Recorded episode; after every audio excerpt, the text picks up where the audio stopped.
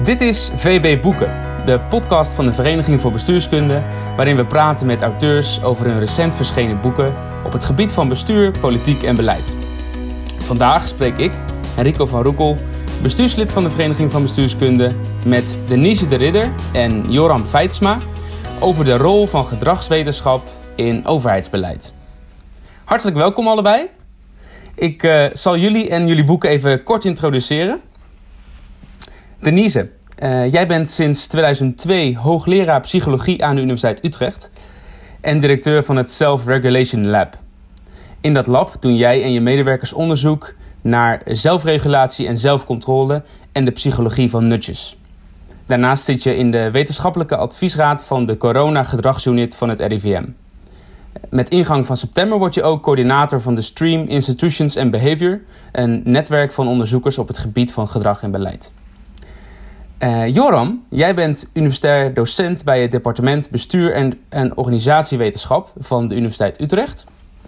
En je bent in 2019 gepromoveerd op de invloed van de gedragswetenschap op Nederlands overheidsbeleid. We gaan het vandaag hebben over jullie boeken, waarin jullie allebei een bijdrage leveren aan het inzichtelijk en begrijpelijk maken van de invloed van gedragswetenschap. Denise, jij schreef samen met Lars Tummers het boek Nudging: Makkelijke oplossingen voor moeilijke keuzes. Uh, dit is een populair wetenschappelijk boek over nudging als oplossing voor alledaagse problemen. Joram, jij neemt vandaag je dissertatie mee, getiteld Inside the Behavioral State. En hierin beschrijf je etnografisch onderzoek binnen de Nederlandse overheid waarin je gedragsexperts bestudeerde. Volgens mij een basis voor een mooi gesprek waarin, we het doel, waarin het doel is om de populariteit van de gedragswetenschap bij de Nederlandse overheid te duiden. Uh, en luisteraars mee te nemen in de kansen en beperkingen ervan.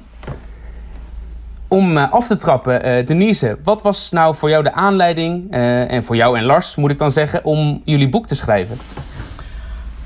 Nou, dat, we hadden behoefte. Ik moet eerlijk bij zeggen dat we verschillende vormen hebben overwogen. Of het nou meer een populair boek moest worden of een wetenschappelijk boek. Maar hoe dan ook hadden we het idee dat, uh, dat er wel uh, wat op een rijtje gezet mocht worden. Uh, toegankelijk voor een breder publiek dan alleen de traditionele academici, wat er allemaal bekend was. je had het net over populariteit um, van gedragswetenschappen en overheidsbeleid. Ik denk dat dat wel meevalt. Er is wel enige populariteit, maar ook enig onbegrip, misschien soms uh, sceptisch. En uh, wij dachten we moeten gewoon wat dingen op een rijtje zetten.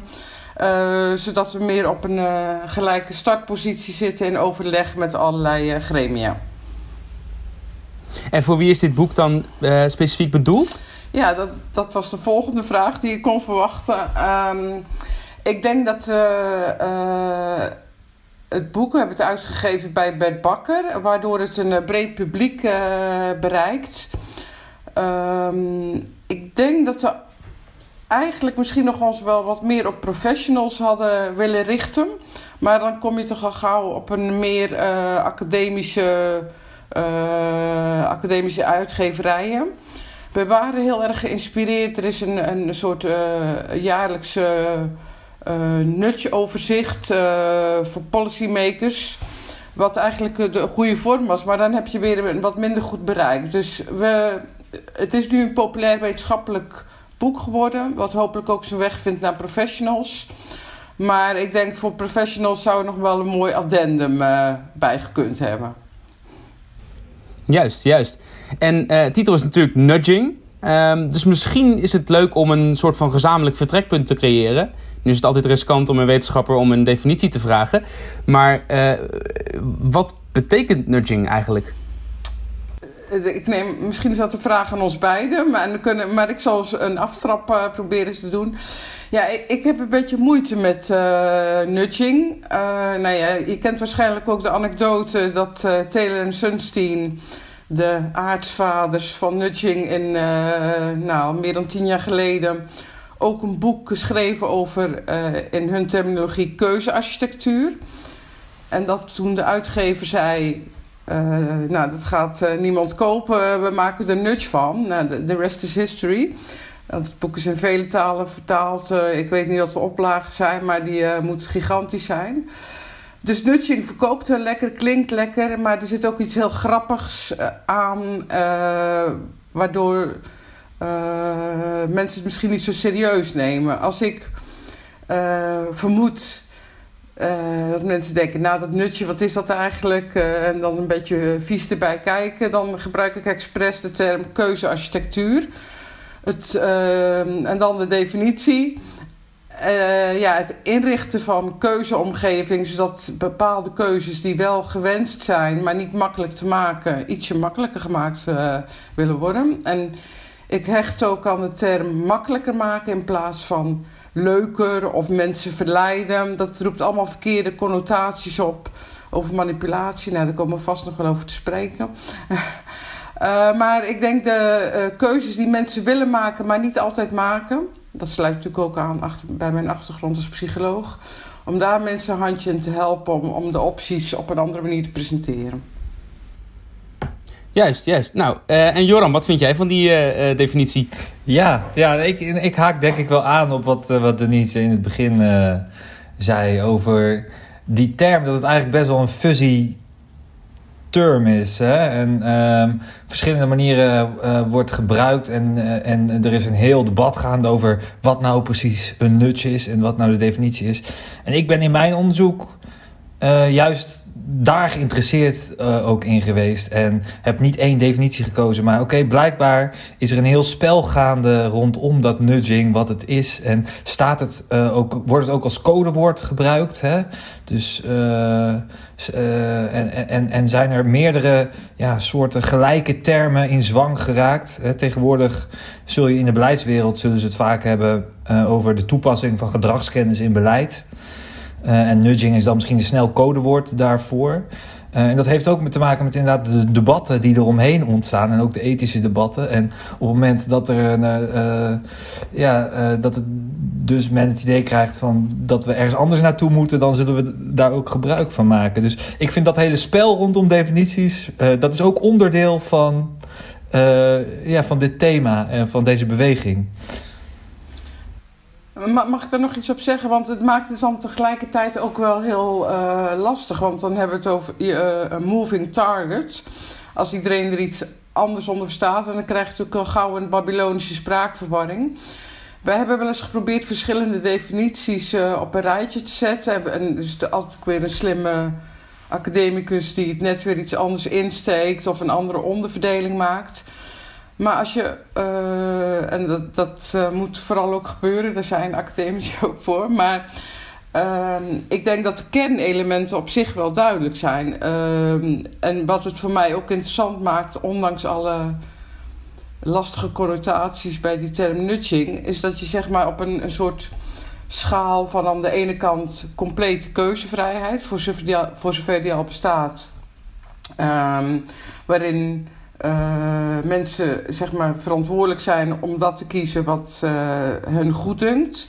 Aan de ene kant. En verdergaande betutteling waarin je heel erg voorsorteert aan de andere kant. Dat die middenpositie interessant is. Er moet iets van keuze blijven. Autonomie is groot goed voor mensen. Maar in onze complexe wereld. Uh, en dan heb ik het over heel veel dingen, zeg maar van het eten dat je kiest, de verzekering, de auto, alles wat je aanschaft. Vooral in de consumentenwereld, maar ook administratief, financieel. Dat er zoveel opties zijn uh, dat je door de bomen het bos niet meer ziet. En dat die keuze ergens in het midden voorgestructureerd wordt. Dat is niet een hele strakke definitie. Maar ik denk die middenpositie, en dat is ook zeg maar, vermoed ik, het succes dat, dat je daarop moet inzetten. Het is niet of jij bent helemaal verantwoordelijk of ik doe het voor jou. Ergens in het midden. En, en daar komen we denk ik ook bij overheidsbeleid. Uh, en misschien straks ook nog over corona te spreken. Dat je in die middenpositie, dat uh, bestuurders, overheid, ambtenaren, maar ook professionals... ook wel een zekere taak hebben om mensen een beetje door die enorme hoeveelheid aan keuzes te loodsen.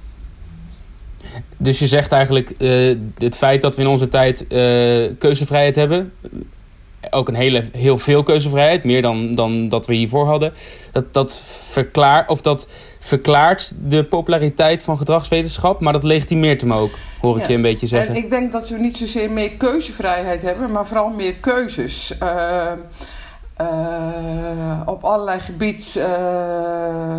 Nou, daar begint ons boekje ook mee, zeg maar. Dat, dat op allerlei gebieden zijn er veel meer opties. En dat kan je zien als een groot goed. Maar soms denk je ook, waarvoor? En waarom moet ik die keuze maken? En zeker als het eh, gaat om hele... eh, nou, ik heb gestudeerd, dus ik, ik ben niet echt heel dom. Maar als ik moet hypotheken en eh, pensioenen en andere zware beslissingen... mij al die keuzes geboden worden... eh, Die, eh, waarin ik, nou, als ik me er dan in zou willen verdiepen... zou het me heel veel tijd kosten. En misschien begrijp ik het dan nog niet. Juist bij complexe keuzes is enige voorstructurering wel handig. Ja, dat komt. En, deze, dit idee komt ook heel erg terug in jullie eh, eh, boek. Nu ben ik ook wel even benieuwd om. En dan gaan we nog even een klein stukje terug. Eh, Joram, jij reageerde net al even op de definitie. Maar dan ben ik ook wel even benieuwd. Waar jouw fascinatie voor die combinatie van gedragswetenschap en overheidsbeleid nu, vandaan komt. Kun je dat nog herinneren? Waar begon dat proces? Eh, nou, ik denk, ik heb een tijdje in Amerika gestudeerd. En daar, eh, daar eh, deed ik een, een vak over welzijnsbeleid. En ja, de rol van de overheid in, in het sturen op welzijn en geluk van, van de burger.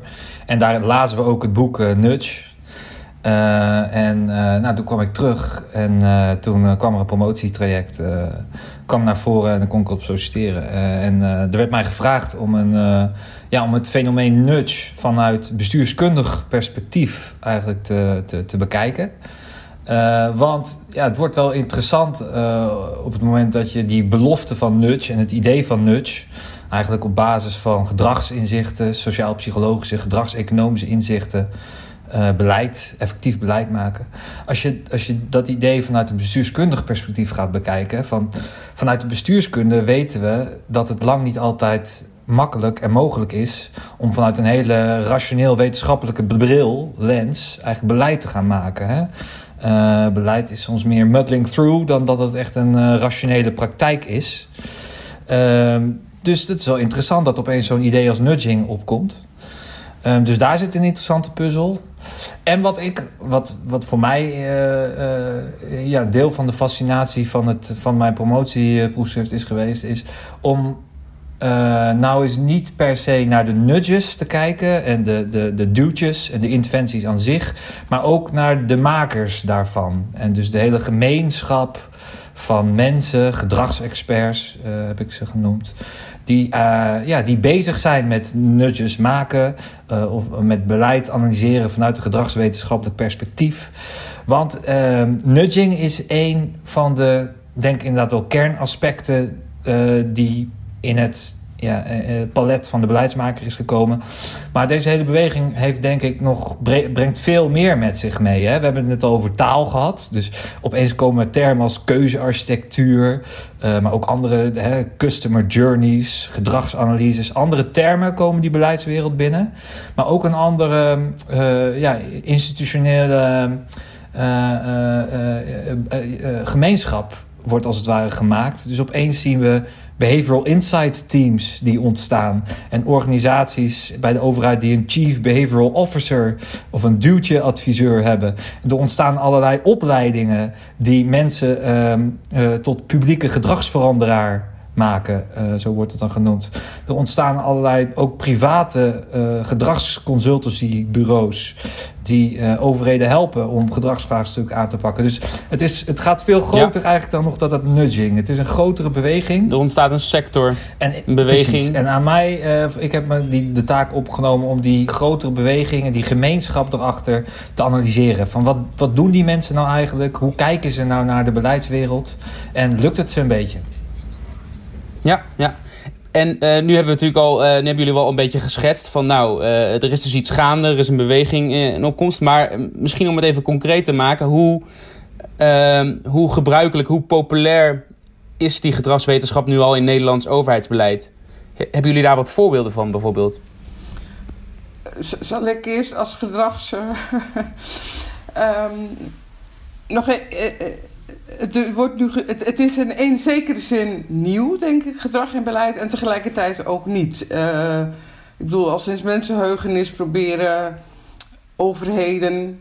Nee, ik weet niet of je de term overheid mag gebruiken als het gaat over de middeleeuwen gaat. Maar overheden willen uh, gedrag sturen. Dat is inherent aan, aan besturen, denk ik. Van de simpele dingen als verkeer regelen, tot uh, mensen gaan laten stemmen. Of, dus de, dit is al, alleen was dat niet zo, was dat meer met traditionele middelen, zoals verboden of geboden of regels. En uh, de, de gedragswetenschap is zeg maar een logisch voortvloeisel daarvan in zekere zin, dat je dat probeert te professionaliseren. En dat roept een beetje huiver op. En ja, het is misschien een oneigenlijke vergelijking. Maar ik bedoel, als we bruggen willen bouwen... dan gaat ook niet een ambtenaar zelf een brug ontwerpen... maar huurt iemand van Rijkswaterstaat... een specialist die daar meer kennis van heeft. En uh, dat is minder controversieel. Misschien zou je kunnen zeggen omdat uh, de harde wetenschappen wat meer aanzien hebben. Over psychologie denkt iedereen al gauw dat hij mee kan praten. Want uh, hè, we, zijn, we zijn allemaal mensen tenslotte. Uh, en, uh, maar als je gedrag op een manier wil beïnvloeden die effectiever is, wel legitiem, dan kun je daar ook specialisten voor in huren. Dan ben ik je oorspronkelijke vraag kwijt. Het was alleen maar een. Nou, ik dit was een duidelijk uh, een mooie opmaat naar inderdaad mijn vraag. Van nou, uh, heb je dan voorbeelden van hoe die gedragswetenschap nu echt al concreet invloed heeft op Nederlands overheidsbeleid? Nou, ik, ik denk dat, dat dat heel erg tegenvalt. Er is, nou, Joram kan dat veel beter beschrijven dan ik. Die heeft als een antropoloog allerlei gedragsunits, of hoe ze ook maar mogen heten, bezocht. Die in allerlei vormen bestaan. Van praatclubjes tot meer professionele experimenten. Maar het, um, uh, het is allemaal nog uh, niet heel systematisch. Ik denk als je de, de, denkt aan de, aan de gedragsunit van David Helpern in uh, Engeland, die, nu die bij Algemene Zaken zat en nu inmiddels op geprivatiseerd. Maar daar was een soort van systematisch gebruik, toepassing, experimenteren. En hier is het toch een beetje. Er was aanvankelijk ook in Nederland veel meer uh, terughoudendheid. Uh, ik kan het misschien illustreren ook. Uh, de, ik zit dus in die adviesraad van de Corona Gedragsunit. Nou, die is met stoom en kokend water ertussen gezet. Maar de, de, RIVM is natuurlijk een, een medisch epidemiologisch instituut. Daar werken wel gedragswetenschappers. Maar niet, het staat niet heel erg vooraan. En nu met corona uh, is er een ultieme poging gedaan om dat wat meer systematisch te onderzoeken. Maar de, uh, het heeft meer dan een jaar gekost om zeg maar, die kennis ook richting VWS te krijgen. Uh, terwijl we allemaal weten dat gedrag een belangrijke rol speelt in het terugdringen van de verspreiding van het virus. Dus er is heel, er is, ik denk dat, het, dat er juist wel ruimte is, of dat er ruimte is voor meer systematische professionele inkadering van gedragskennis. Herken je dat, Joram? Dat, dat uh, Denise zegt van nou, dat valt wel mee met die uh, gedragswetenschappers binnen Nederlands overheidsbeleid? Mm, ja, ik denk het wel. Uh, kijk, ik heb natuurlijk uh, gekeken naar allerlei plekken binnen de overheid waarbij er dan gedragsexperts uh, actief zijn. Uh, en dat zijn dan vaak dus beginnende eenheden. en dat zijn geen grote eenheden. Dat zijn niet teams van 20 man. Ehm, meestal. Um, en dan zie je dus wel dat op heel veel plekken in de overheid hier aandacht voor is. En dat er van alles gaande is. Maar dan op een hoop groter niveau kun je nog steeds zeggen... is het nog steeds in een beginnende fase. Ik denk van, van ongeveer ja, uh, 2012, 2013 dat er echt dat het breder uh, bekend begon te worden. Dat je overal één eenheidjes ziet oppoppen. Uh, ja, en nu zijn we ja, nog een kleine tien jaar verder. Maar nou ja, het is heel veel groter is het ook niet geworden. Aan de andere kant zie je wel, denk ik, dat het inmiddels wel in een, in een fase. Uh, het is de, embryonale fase voorbij. En nu is de fase van uh, kijken of het ja, meer volwassenwording, meer structurering. Of structurele verankering. Hè? Dus je ziet nu bijvoorbeeld een, een roep van, uh, zag ik van, vandaag, op LinkedIn bijkomen, op een centrum voor gedragsinzichten. Uh, Rijn-Jan Renes, die had het over een sociaal-psychologische raad. Dus je ziet nu roepen om het iets structureler te verankeren. Op het moment dat je de, dat soort formele organen gaat krijgen, dan kun je wel echt langzaam gaan spreken van het wordt serieuzer. Maar goed, Denise zegt ook iets, denk ik, inderdaad over in hoeverre zie, je die gedragsbewuste interventies nou terug? Ja, het is een complexe eh, vraag. Eh, ik bedoel, de historie van ook publiek gezondheidsbeleid kent al heel veel van dat soort type interventies voordat nudge bestond.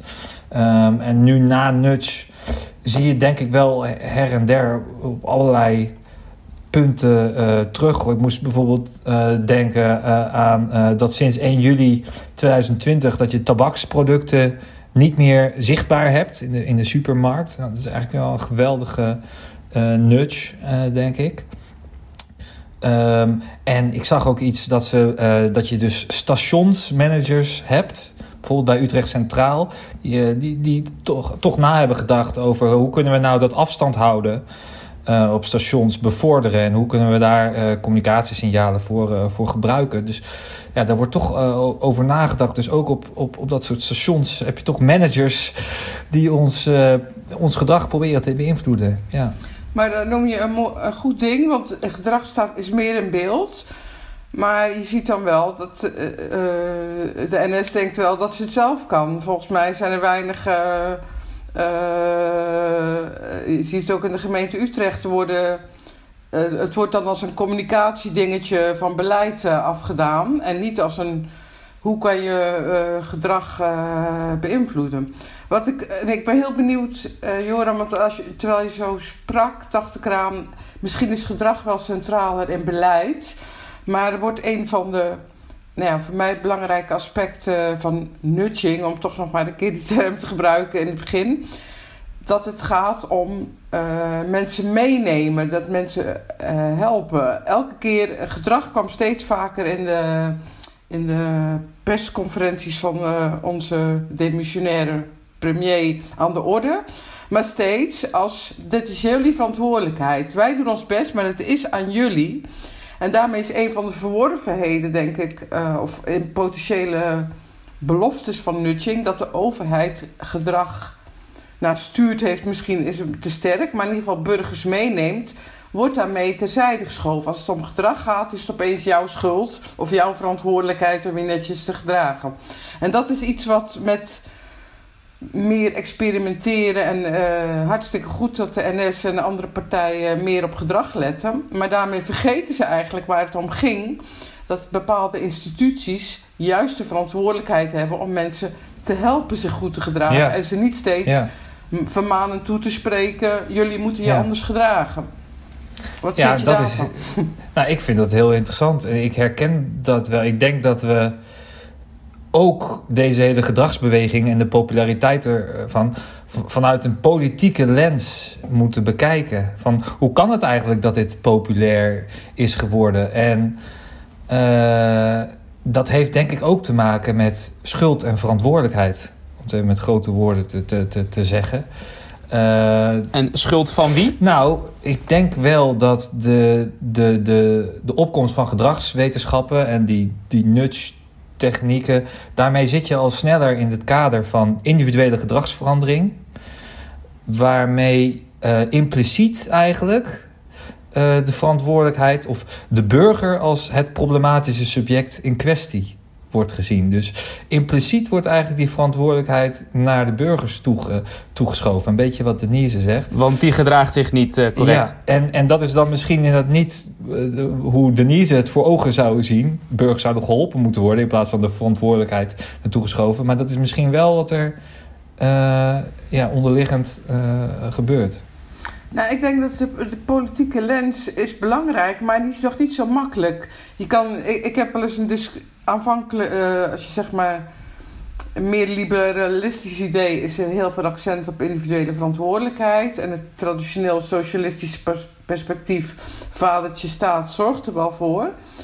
Maar dat klopt dan niet als je denkt dat in Engeland de liberale premier Cameron fervent aanhanger was. Ik zou ook niet zo goed weten als je zeg maar op de meer traditionele links-rechts schema waar het dan zou zitten. Geen enkele partij ehm, spreekt zich de, heel erg over uit. Ik bedoel, er, is niet een, er zijn geen duidelijk politieke standpunten, behalve dat als je echt liberaal bent, dat je vindt dat het, mensen het zelf moeten doen, omdat er al gauw angst is voor de beschuldiging van betutteling of paternalisme. En het gaat natuurlijk hier om libertair paternalisme. Volgens mij is D66 ook niet zo fan van uh, nudging. Dus ik weet niet eens of het zo makkelijk af te beelden is op zo'n uh, simpel links-rechts schema. En uh, moet je het misschien, is het een andere dimensie die dwars door de klassieke politieke opvattingen heen gaat? Nou, wat ik Joram natuurlijk hoor zeggen is van nou, er zit een politieke dimensie aan de nudging dat is natuurlijk nog wat anders dan dat je zegt... Uh, nudging valt prima te plaatsen binnen het politieke spectrum wat we kennen. Dat is niet de ene... Toch, uh, Joram, heb, is dat zeg maar ook... Dus als jij zegt politieke dimensie, denk je dan ook aan het spectrum? Of denk je dan, kijk je meer naar bepaalde machtsverhoudingen binnen de... Ja, nou ja. Binnen nudging. Ja, nou, ik kijk, probeer eigenlijk te, te onderzoeken... wat nou eigenlijk de politieke motieven zijn achter de opkomst van die gedragswetenschappen. Dus het idee, hè, een beetje kennismacht, dat kennis en ideeën ook een bepaalde ja, impliciete ja, uh, uh, machtsverhoudingen eigenlijk weer weerspiegelen. En uh, wat, wat, welke machtsverhoudingen worden nou weerspiegeld met die opkomst van de gedragswetenschappen? En daarbij is het idee, hoewel het moeilijk te plaatsen is, misschien inderdaad, dat die gedragswetenschappen automatisch meer op het individu focussen. En dat je daardoor sneller ook in de framing van beleidsproblemen vanuit het perspectief uh, komt waarin het individu, de burger vaak in kwestie, het probleem is. In plaats van allerlei andere mogelijke actoren. Oh, maar dat ben ik niet helemaal met je eens. Ik, als psycholoog verzet ik me juist tegen het idee dat wij individuen uh, op van alles aanspreken waar, waar individuen weinig macht of weinig verantwoordelijkheid voor hebben. Uh, ik vind wel dat, uh, dat... Dat is een beetje over de schutting gooien... waar ik het net over had met corona. Maar je kan ook rekening houden met gedrag... zonder individuen daarvoor verantwoordelijk te stellen. Ik, vind, ik denk dat het goed is om de opkomst van nudging... die niet voor niks in Amerika was volgens mij... ook niet te begrijpen als een soort vergroting van de invloed van de gedragswetenschappen. Daar zit geen groot masterplan achter, maar juist, juist als een politiek instrument. Uh, Amerika, het land van de vrijheid bij uitstek. Waar zeg maar dingen die wij conservatieve Europeanen heel normaal vinden, zoals betalen voor je pensioen, of dat je automatisch pensioen en uh, ziektekostenverzekering hebt. En het is denk ik voor de meeste Europeanen ondenkbaar dat, dat, dat de overheid. Of dat, dat het niet legitiem zou zijn dat de overheid zich daarmee bemoeit, omdat het gewoon te grote beslissingen zijn. Natuurlijk ga je niet op je twintigste geld uh, opzij zetten voor als je 70 bent.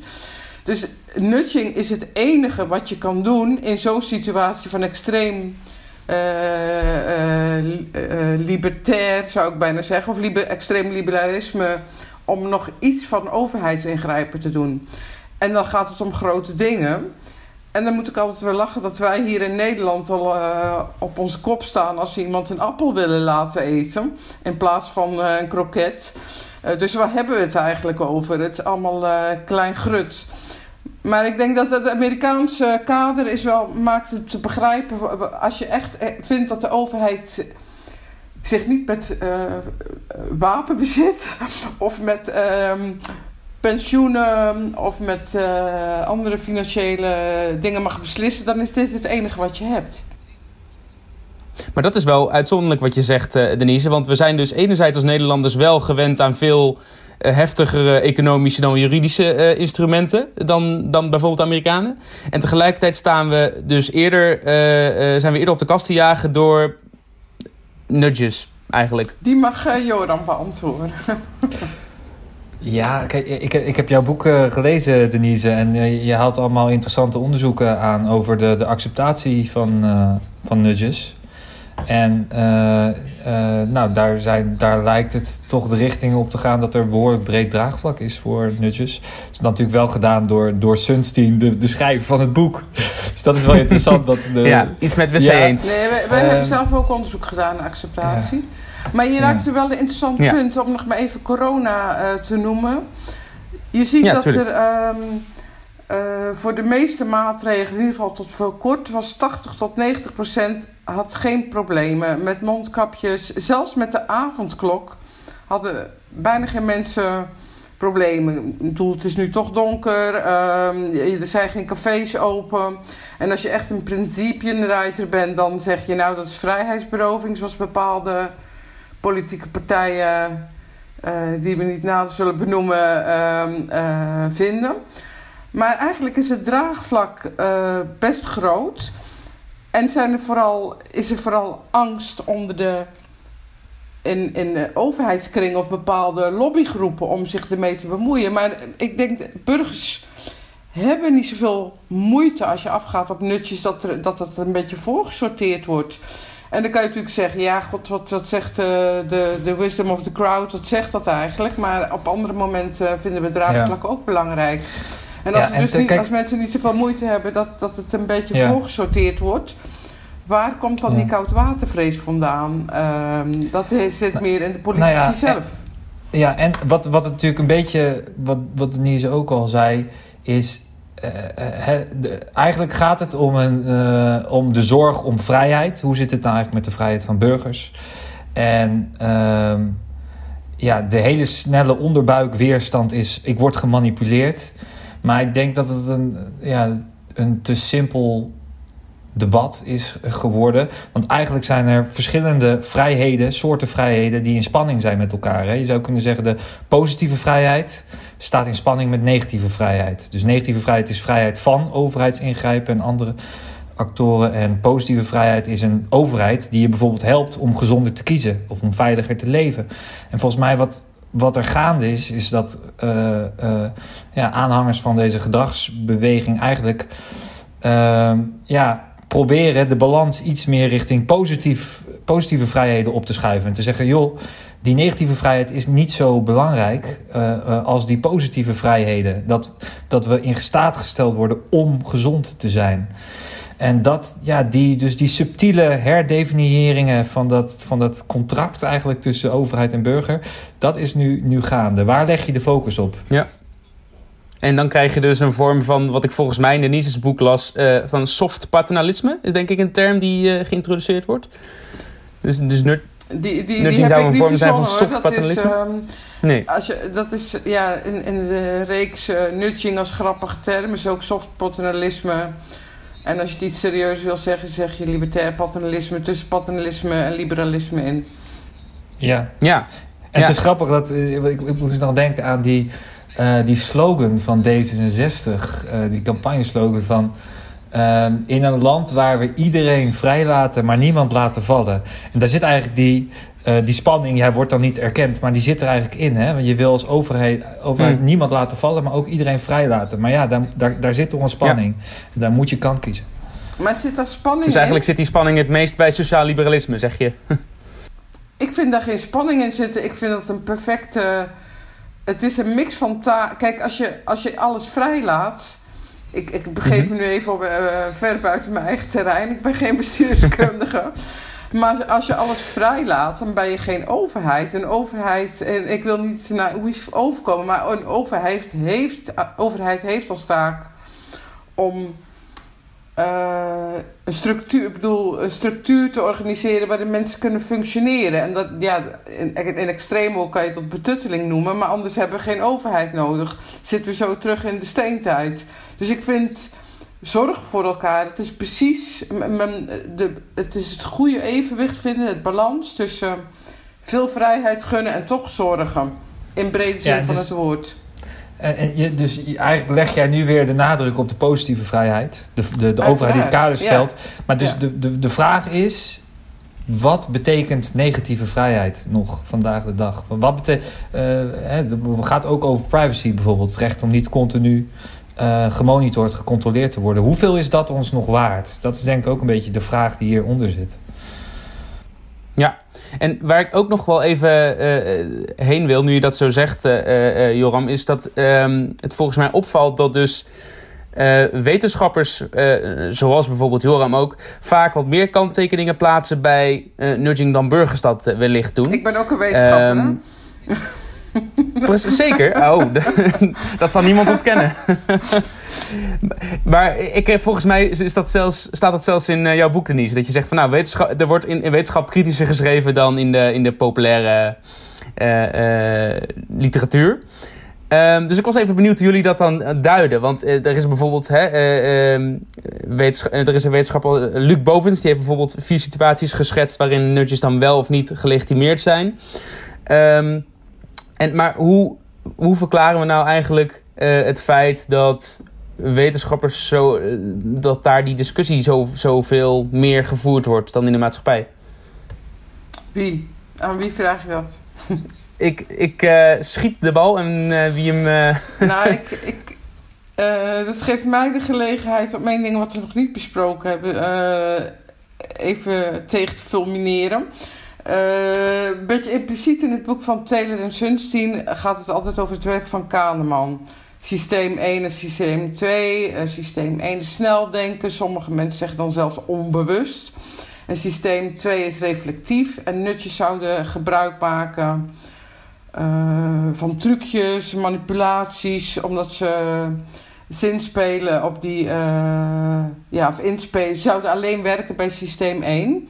En Luc Bovens noemt dat nutjes only work in the dark. Uh, heeft hij zo'n mooie term voor.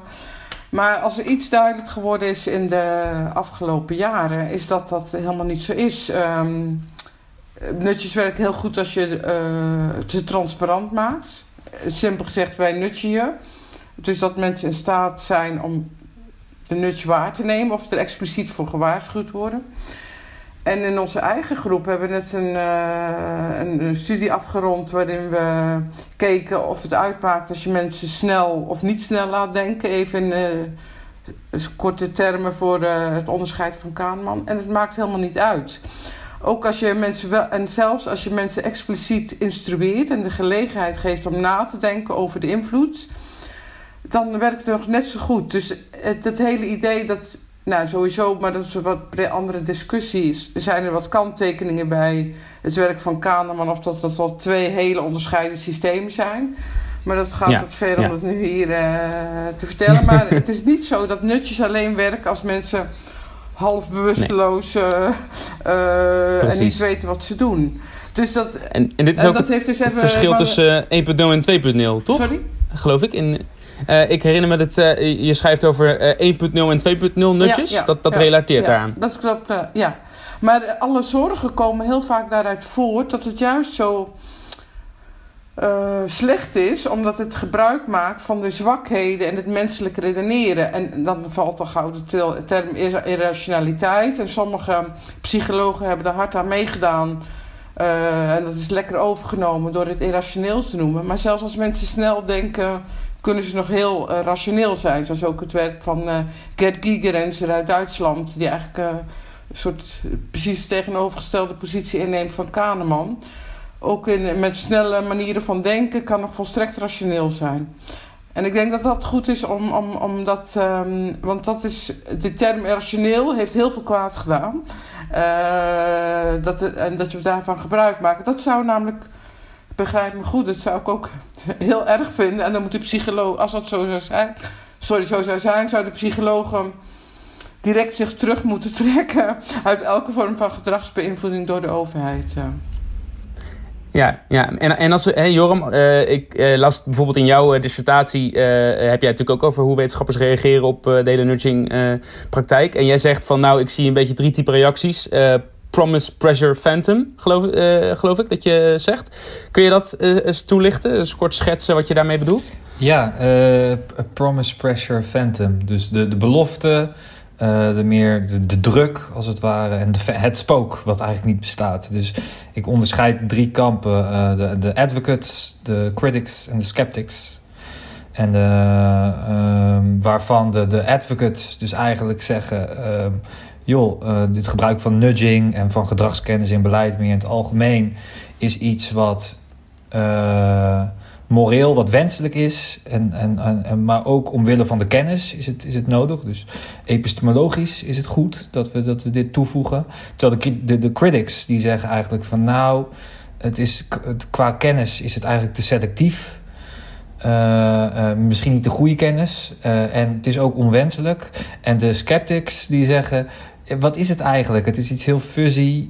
bestaat, bestaat het eigenlijk wel? Of bestond het niet al lang? Uh, dus die, die, die stellen me echt überhaupt vragen bij het fenomeen aan zich. En in mijn uh, daar vertrekt mijn proefschrift eigenlijk ook een beetje vanuit. Van dat al die posities eigenlijk toch vaak over nudging als abstract uh, theoretisch verschijnsel hebben. En niet echt naar de, de, de, de, ja, de, de beleidspraktijk kijken. Van, ja, hoe, gebeurt het, hoe zijn gedragsexperts nou uh, dagelijks met die inzichten bezig? En hoe komen ze nou tot zulke nudges? En als je vanuit daar gaat kijken, dan zie je dat eigenlijk al die drie perspectieven, dat het ergens in het midden uitkomt. Dus uh, ja, het is misschien niet de grote belofte die was voorspeld met nudging. Daar is het toch nog klein genoeg voor. En eh, ook de belofte van Nudge om heel super rationeel met psychologisch inzichten beleid te gaan maken, is. Uh, loopt, uh, ja, loopt tegen, je loopt allerlei beren op de weg, kom je tegen. Um, de critici die zijn misschien iets te, te, kritisch en te dystopisch geweest. en de sceptici die hebben het eigenlijk ook uh, slaan de plank eigenlijk ook mis, omdat er toch wel degelijk die behavioral insights beweging is. Iets van meer dan 200 eenheden die je nu over de wereld hebt, die hiermee bezig zijn. Ja. Dus het is er wel, ja. weet je, ja. Denise, ik ben wel benieuwd wat jij uh, van deze analyse vindt. En misschien kun je ook ondertussen een, uh, voorzichtig een bruggetje maken naar jouw ervaring bij de, bij de gedragsunit van het RVM. Of ik moet zeggen bij de, de adviesraad daarvan. Want dat is natuurlijk een van de voorbeelden van hoe. Nou, terwijl uh, Joram nog eens die drie perspectieven uit de doek doet, dacht ik, wat is eigenlijk het vierde perspectief dan? Want ik ben het wel eens met je analyse. We moeten niet. nudging is geen panacee voor, wat al, voor van alles en nog wat. Um, dus zeg maar naïeve ideeën dat dat breed uitgerold kan worden, die zijn uh, daar ben ik, kan ik me helemaal in vinden. Ik ben het ook eens met je dat critici misschien te kritisch zijn. Uh, en, en ook altijd op hele zware, abstracte onderwerpen. Het zijn vooral filosofen, niks tegen filosofen, maar uh, die misschien te. te ik, ik hou ook wel van een beetje empirische wetenschap. En we, kunnen, we weten dat, dat autonomie als mensen gesteund worden in hun beslissingen, dat ze niet, dat niet ervaren als een inbreuk op hun autonomie. Uh, wat trouwens ook in het WING-project, Welfare Improvement Through Nudging Knowledge, waarin Joram en ik, laten we dat nu maar bekennen, samen samengewerkt hebben. Uh, en waar we ook heel, uh, waar ook de filosofen die daarin betrokken waren, ook dat, dat, ja, een beetje dat positieve vrijheid, waarin. Um, waarin uh, nutjes ook autonomie kunnen ondersteunen. In de zin dat ze men, mensen kunnen helpen de beslissing te nemen die ze eigenlijk wel wilden nemen, maar niet maakten, omdat enzovoort. En de sceptici, ja, dat het eigenlijk niet. Uh, dat het uh, niet, uh, eigenlijk niet bestaat. Dat, ik, ik, deel, ik deel jouw onderscheid en ik deel jouw kritiek op die drie posities. Maar dan, dan zoek ik gelijk naar een vierde positie, want er is wel wat. En uh, ik denk nog, uh, misschien nog meer in termen van beleidsinstrumenten hebben iets nodig dat mensen helpt dan echt. Het gaat mij natuurlijk niet om het blind incorporeren van psychologische of gedragskennis in beleid. Als het niet nuttig is, niet nodig is, moeten we het vooral niet doen. Maar ik denk dat de gedragskennis wel nuttig kan zijn als een overheid mensen wil meenemen. Niet, het gaat niet ja, alleen om Kun je daar misschien een voorbeeld van geven in deze tijd? Uh, nou, ik, heb, ik had mijn uh, Uh, ik heb het eigenlijk al een beetje uh, gezegd toen ik het, de persconferenties aanhaalde. Waarin elke keer gezegd wordt: mondkapjes. of nou ja, mondkapjes is niet zo'n goede, goede voorbeeld. Maar je ziet dat allerlei maatregelen. Naast vaccinatie en testen zijn er allerlei gedragsmaatregelen nodig gericht op, op beperken van sociaal contact. Dat zorgt dat het virus niet of minder verspreid wordt. Daarvoor moeten mensen enorme gedragsaanpassingen doen. Uh, met een boogje om elkaar heen lopen. Uh, mondkapjes dragen, afstand houden. Nou, een heleboel plaatsen thuiswerken zoals we nu allemaal doen. En eigenlijk is het, als je goed terugdenkt, uh, zijn mensen bijzonder adaptief geweest. Eh, als je het even terugdenkt, als, als je ons gezegd had, het is nu bijna een jaar geleden, we werken allemaal aan de Universiteit Utrecht. Jij gaat nu een jaar thuis zitten en je komt niet op je kantoor, dan had, niemand je, had iedereen je gek verklaard. Dus we, mensen kunnen dat, maar we hadden ze wel nog iets meer kunnen meenemen. En als het even niet lukt, dan uh, vind ik het niet gepast dat dat mensen verweten wordt. Want het is moeilijk en we doen het al best goed. Dus ik denk dat, uh, dat, dat, dat, dat ze daar wat meer mee geholpen kunnen worden. En meer meegenomen, meer uitleg. Um, in plaats van als het even niet goed gaat. En er waren eigenlijk helemaal niet zoveel incidenten. Maar als het even niet goed gaat, omdat uh, mensen in de schoenen te schuiven. En is dit ook wat jij verkondigd hebt bij, in, als jouw rol, uh, in jouw rol bij het RIVM? Nou, ehm, ik zit dus, uh, of mag je daar geen uitspraak over doen? mensen bij de gedragsunit. Dat zijn mensen die gewoon bij het RIVM werken. Ik zit in de wetenschappelijke adviesraad. Ik werk gewoon bij de Universiteit Utrecht. En samen met zo'n 15 andere gedragsdeskundigen proberen we mee te denken. Maar ik denk dat alle gedragsdeskundigen, zowel die bij het RIVM werken als degene die in de adviesraad zitten, um, uh, die, die, die, daar lopen allemaal tegenaan, zeg maar. Ja, ja, ik, ik vind het wel. Ik kijk wel met heel veel interesse naar de rol van gedragsexpertise in deze coronacrisis. Want ja, er, er is veel dynamiek gaande, uh, denk ik.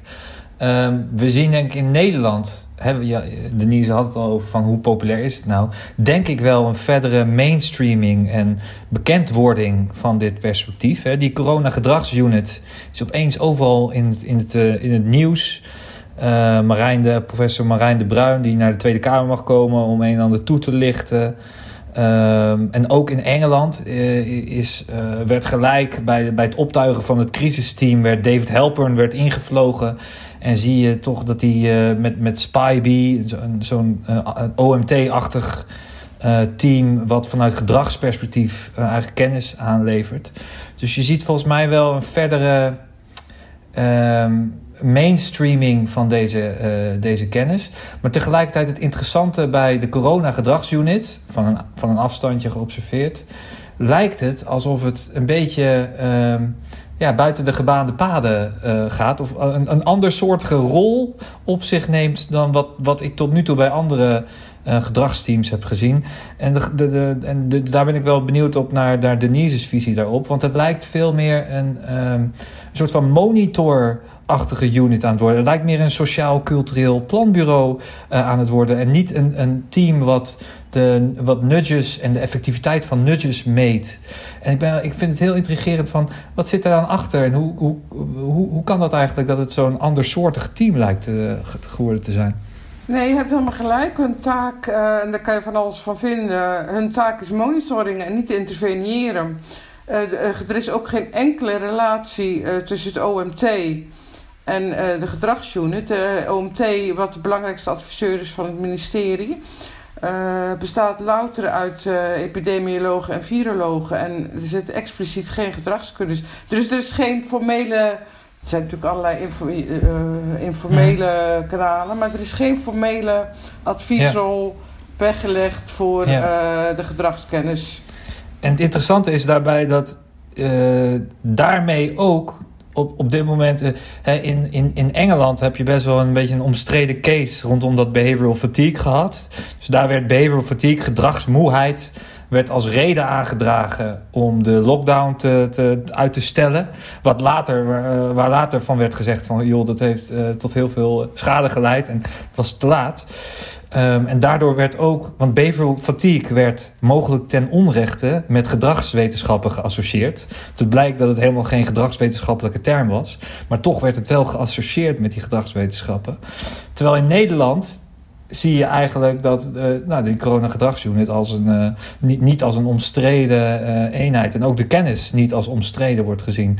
Dus het is wel interessant dat naarmate die bron van kennis ook meer populariteit krijgt, ehm, heb, leeft het ook risico's met zich mee. Dat het misbruikt ja. wordt. Of, ja. ja. Ja, de, de, het wordt, maar in dit geval denk ik, het is in zekere zin jammer dat er. Um, uh,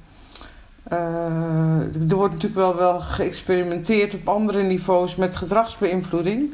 Maar niet op ge, centraal of onder regie of onder suspicion van. Uh, uh, auspicion moet ik zeggen van uh, de corona gedragsunit. Dat is wel jammer, want dit was wel. Dus daar liggen kansen nog, Ja, zeg je ja. eigenlijk. Ja, maar, maar, Ja. Ook, maar ook risico's. Hè? Want dit is natuurlijk nu de veilige... De monitorrol is een relatief veilige eh, rol. Op het moment dat je als unit... ehm, de centrale eh, ja, rationales achter keuzes om wel of niet in lockdown te gaan leveren. Reken maar dan dat je ook weerstand kan krijgen. En dat gebeurt nu niet in Nederland, althans. De lockdown is altijd de beslissing van de overheid natuurlijk. En ehm, eh, niet eh, van een eh, adviserende unit die alleen maar de inzichten aanlevert. Ja, dat, dat, dat, dat, is, dat is zeker waar, ja. Nou, dan ehm, eh, hebben we eigenlijk al een hele vogelvlucht gemaakt langs, de, langs natuurlijk een beetje het ontstaan, kansen, beperkingen van eh, gedragswetenschap eh, in overheidsbeleid. En eh, ook nog even actualiteit aange, aangestipt. Misschien is het ehm, eh, goed om, om langzaam eh, af te ronden. En hebben jullie beiden nog iets een, eh, iets wat je mee wil geven aan Nederlandse bestuurskundigen of beleidsmakers eh, als het gaat om de toepassing van gedragswetenschap in Nederlands beleid, dan eh, geef ik jullie daar graag nog even de, de mogelijkheid voor. Ik zie Joram al een, een hand opsteken, dus ga je gang Joram. Nou ja, wat ik wel. Wat ik zelf dus wel interessant vind. en dat het, het debat, denk ik, over waar deze beweging naartoe gaat en de, de, de, eh, wat we daarvan moeten vinden. Dus denk ik eh, aan het veranderen is. En dat de, de, de simpele vragen over paternalisme, ja of nee, is manipulatie. Dat we daar volgens mij voorbij, hopelijk aan voorbij bewegen. eh, en, mm, want er zijn nog een aantal andere spannende vragen over, wat mij betreft. En één vraag gaat over. ehm, eh, ja, dus eh, de vraag eh, eh, in hoeverre dit perspectief toereikend is. Hè? Ehm, ja, dus eh, er is net een rapport eh, uit van de RVS, gaat over complexe ongelijkheid. En daar, dat gaat dan ook over eh, ge- ongelijkheid qua gezondheid. En ja, ehm, daarin komt dan dus naar voren dat beleid heel lang op individuele gedragsverandering is ingericht. Maar eigenlijk zijn er een aantal veel diepere oorzaken aan de hand die ongezondheid verklaren. Hè? Bijvoorbeeld onzekere arbeidsomstandigheden, een slechte eh, woon, eh, of, eh, ja, een povere wo- woonomgeving. Ehm, eh, een, een hele sterke lobby die bepaalde regulering tegenhoudt. Ja, en daar moeten we, denk ik, zeker niet. De, de, de, dat moet zeker niet buiten beeld blijven. Hè. Mijn zorg wel is dat het te veel microfication wordt. eh, en dat nudging daar mogelijk aan bijdraagt. Dat we te veel op microniveau individuele gedragsveranderingen willen bewerkstelligen. Waarop we die diepere liggende oorzaken van problemen als klimaat, armoede, gezondheid, allerlei majeure beleidsvraagstukken, dat we daar die, die causes of the causes niet aanpakken. Ja, dus je zegt eigenlijk, eh, eigenlijk is je advies ook van blijf ook kijken naar de relatie tussen het systeem, systemische ontwikkelingen en gedrag. En ga je niet blind staren op gedrag. Precies, en dan kom je dus ook bij de vraagstuk van... ja, wat is nou dominant? Hè? Welke benadering is dominant? Is dat meer de, de, de sociologische, systemische benadering? Of is het meer de psychologische, individuele benadering? Ik denk dat we daar goed moeten naar kijken. En op het moment dat die individuele benadering heel dominant wordt, dan moeten we zorgen dat we ook in plaats van uh, behavioral insight teams ook sociological insight teams installeren en, en hun ding laten ja, doen. Ja, duidelijk. Ja, Denise, nog een laatste reactie van jou? Ja, zeker. Ik denk dat hier twee dingen door elkaar worden gehaald. Als gedrag een rol speelt, uh, nou, je komt zelf met uh, het punt van gezondheid. Dat wil niet zeggen dat je individuen moet veranderen. Als we weten dat gedrag uh, roken, alcohol, zitten, eten een rol speelt, dat is juist de fout. Moet je het, systeem veranderen of de context. Dus ik, ik denk dat juist als je uh, individueel gedrag of mensen hun gedrag wil laten aanpassen, hoef je geen individuen aan te pakken. Moet je zorgen dat de context het makkelijker maakt om zich te gedragen. Dus ik ben het er pertinent niet mee eens dat, dat gedrag een, een soort vernauwing van de focus op de individu. Dat is eigenlijk wat ik de hele tijd probeer te zeggen. Dat die, dat die twee levels door elkaar worden gehaald. Dat, dus dat zou het niet moeten zijn. is heel belangrijk. Maar we hoeven niet individuen aan te spreken. Zoals in het preventieakkoord is ja. door deze van individuen aan te spreken. Maar we moeten de context veranderen. Maar dan zitten we daar inderdaad op één lijn, denk ik. Maar dan nou, is nog wel de vraag. Dat is dan wel de vraag in theorie. Maar in praktijk zie je denk ik toch vaak dat ze met de, wel met de context aan de slag gaan, maar met de hele nabije context. Dus hoe ziet de omgeving uh, direct, de, de, kamer, de ruimte om je heen eruit. Maar niet met die wijdere systemische context. Dat komt omdat er te weinig gedragsdeskundigen nou. bij betrokken zijn. Oké. dat lijkt me een mooie noot om op te eindigen. er zijn meer gedragsdeskundigen uh, nodig. Um, nou ja, uh, het, ik denk dat de luisteraar al een beetje doorheeft dat dit voor is voor een nog veel langer gesprek. En dat er enorm veel complexiteit uh, bij komt uh, kijken. En, uh, ik stel me zo voor dat een van de manieren waarop mensen zich meer kunnen verdiepen in deze materie is door jullie boeken. En, en dan gaan we bij deze een eind breien aan deze podcast, maar dus zeker niet aan de discussie. Veel dank aan de gasten, Denise de Ridder en Joram Feitsma. Dit was uh, VB Boeken, de podcast van de Vereniging voor Bestuurskunde. Uh, bedankt voor het luisteren en tot de volgende keer.